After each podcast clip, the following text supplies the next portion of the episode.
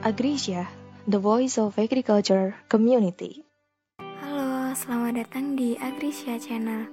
Gimana kabar sobat Agrisyana semua? Semoga tetap dalam keadaan baik ya. Di episode kali ini, aku mau kasih tahu satu fakta menarik yang lagi hits di kalangan masyarakat kota. Apa tuh? Pengen tahu nggak? Hmm, coba tebak ya. Oke, nggak usah lama-lama. Aku kasih tahu aja kali ya. Urban farming. Mungkin sebagian dari kalian udah nggak asing lagi kan? Tapi kali ini beda loh. Aku bakalan bahas urban farming dari sisi pertanian sehat. Nah, sebelumnya prinsip urban farming yaitu pemanfaatan lahan sempit untuk pertanian dan biasanya sih dipakai di wilayah perkotaan. Dalam sistem urban farming, semua proses budidaya, mulai dari penanaman bibit hingga panen dan distribusi hasil bisa dilakukan di dalam kota loh. Wah, menarik bukan? Kalian bisa banget cobain urban farming di kosan nih. Dan ternyata urban farming itu banyak banget jenisnya. Mulai dari vertikultur, taman dinding, hidroponik, aquaponik, dan masih banyak lagi.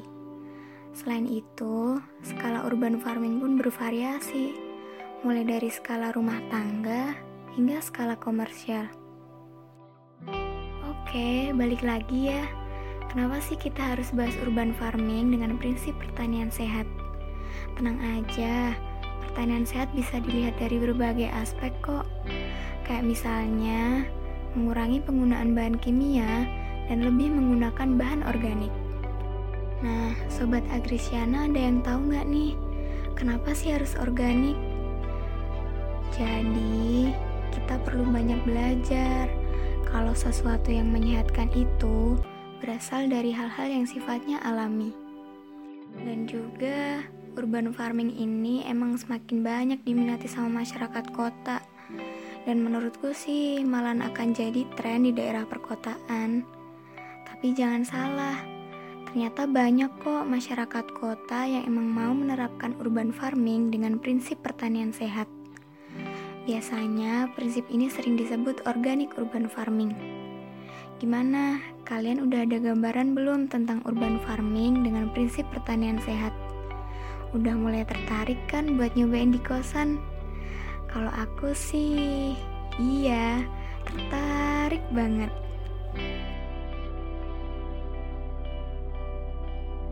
Sekarang aku bakalan kasih tahu tentang teknik tanam vertikultur sebagai bentuk contoh urban farming. Kenapa sih harus vertikultur?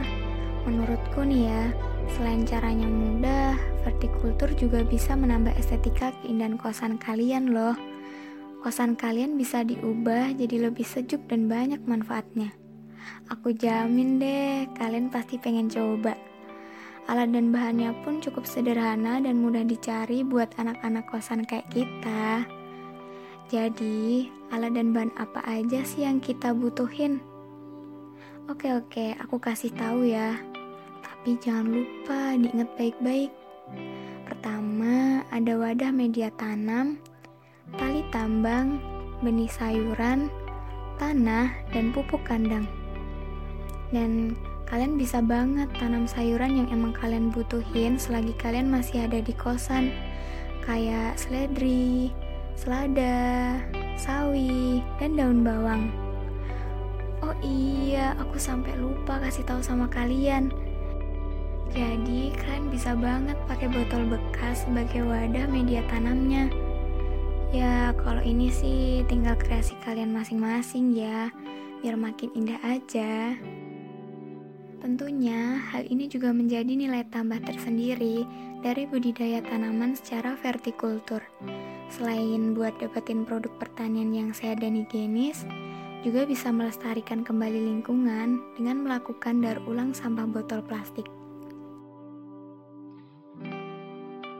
Buat tambahan aja Sobat Agrisiana, kalian bisa pakai pupuk kandang atau pupuk kompos, jadi nggak perlu ditambahin pupuk kimia lainnya. Tapi menurut BPTP Kalimantan Selatan tahun 2014, tanaman berbuah seperti cabai atau tomat diperbolehkan penambahan KCl sebanyak 1 sendok teh atau sesuai ukuran pohon dengan rentan waktu 5-6 bulan sekali. Nah, untuk penambahan KCl ini berfungsi agar buah tidak mudah rontok. Hmm, pada intinya sih, kalian boleh aja menggunakan bahan kimia dalam budidaya tanaman. Tapi, kalian wajib meminimalisir dalam penggunaannya dan harus sesuai anjuran boleh berlebih. Sulit memang, tapi sampai kapan kita nggak mau nyoba kalau nggak sekarang? Apalagi udah jelas-jelas nih urban farming dengan prinsip pertanian sehat punya dampak positif bagi konsumen maupun lingkungan itu sendiri. Selamat mencoba di kosan ya Sobat Agrisiana.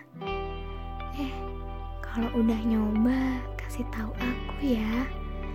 Dan sekian dulu ya episode kali ini. Sampai jumpa di episode selanjutnya. Bye bye.